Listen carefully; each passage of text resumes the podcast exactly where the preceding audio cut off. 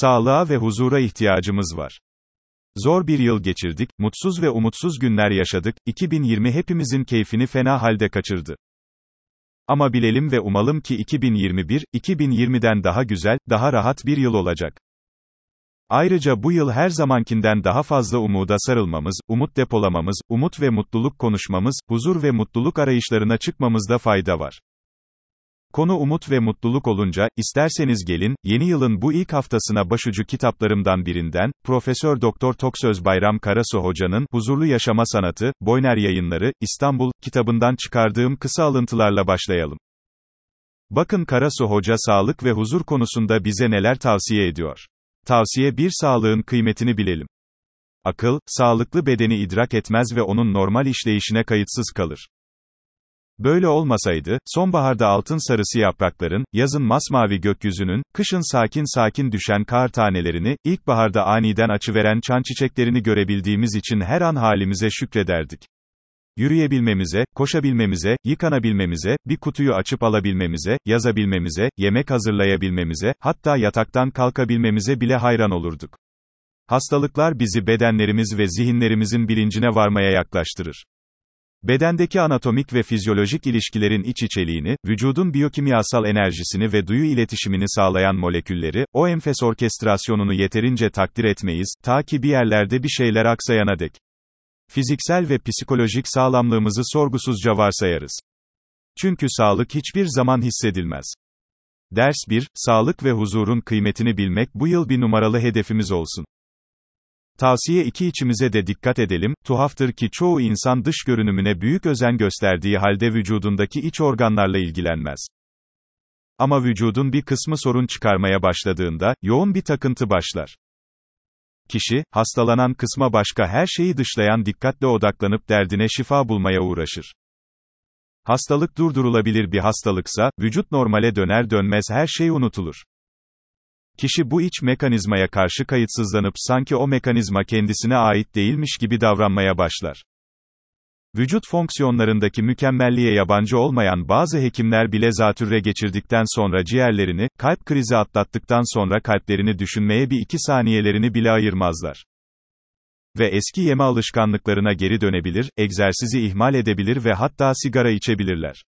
Birkaç dakikalığına durup düşünerek, sahip olduklarımızı, beden ve zihnimizin olağanüstü niteliklerini tartıp biçebilseydik, yüzlerimizde kocaman tebessümler ve kalplerimizde minnetle yolumuza devam ederdik. Ders 2, şükretmeyi unutmayalım. Tavsiye 3 huzuru da mutluluğu da doğru yerlerde arayalım. İnsanlar genellikle mutluluğu hiç olmadık yerlerde ararlar. Mal, mülk, para ve iktidar elde ederek işlerindeki çatışmaları çözmeye çalışırlar. Ama neticede elde ettikleri şey tatminsizlik ve eksiklik hissidir. Aradıkları ama kolayca dile getiremedikleri şey ise ellerinden sürekli kayıp gider. Evlenir, boşanırlar. Aşk maceraları yaşarlar. Yaptıkları işleri, yaşadıkları kentleri değiştirirler. Ama her değişiklikle birlikte mutsuzluk ve huzursuzluğun geçici olarak azaldığını, iç kemiren bir hoşnutsuzluğun ise yeniden geri geldiğini görürler. Ders 3, keyifli huzuru hedefleyelim. Okur sorusu. Çift maske daha mı etkili? Pandemi uzadıkça tedbirler de farklılaştı, son zamanların dikkati çeken önemli değişimlerinden biri ise çift maske kullanımı oldu. ABD'de seçilmiş Başkan Joe Biden'ın birden fazla maske takmaya başlaması konuyu daha da güncelleştirdi. İtiraf edeyim, ben de sokakta ve klinikte kesinlikle çift maske kullanıyorum. Ama hemen belirtelim, elimizde birden fazla maske takmanın daha güvenli olduğunu gösteren net ve açık bir bilimsel kanıt yok. Ama bana göre yine de riskli alanlarda görev yapanların muhtemel bir hava sızıntısını sınırlamaya yardımcı olmak amacıyla ekstra bir önlem olarak birden fazla maske kullanmaları yanlış bir düşünce olmasa gerek. Melatonin takviyesi işe yarar mı? Uyku hormonu olarak da bilinen melatoninin sentetik takviyelerini, uyku sorunu çekenlerin bazıları kullanıyor. Ama bilinmeli ki melatonin de doktora danışmadan kullanılabilecek sıradan bir takviye değil. Onun da diğer bazı takviyeler gibi yaratabileceği önemli sorunlar olabiliyor. Melatoninin COVID-19'un önlenmesi ve tedavisinde kullanılması konusu ise pandeminin başından beri hep gündemde olan bir konu. Hatırlayalım, daha önce de yazdım, ABD Başkanı Donald Trump da geçtiğimiz Ekim ayında geçirdiği, COVID-19 enfeksiyonunun tedavi sürecinde çinko ve D vitamini takviyeleri yanında, melatonin takviyesi de kullanmıştı.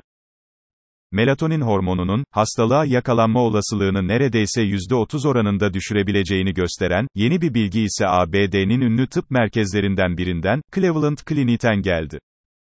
Bu merkezde yapılan ve önemli bir bilimsel dergide, PLOS Biology, yayımlanan yeni bir araştırmaya bakılırsa, melatonin özellikle hastalığı önlemede işe yarayabilecek. Hemen belirtelim.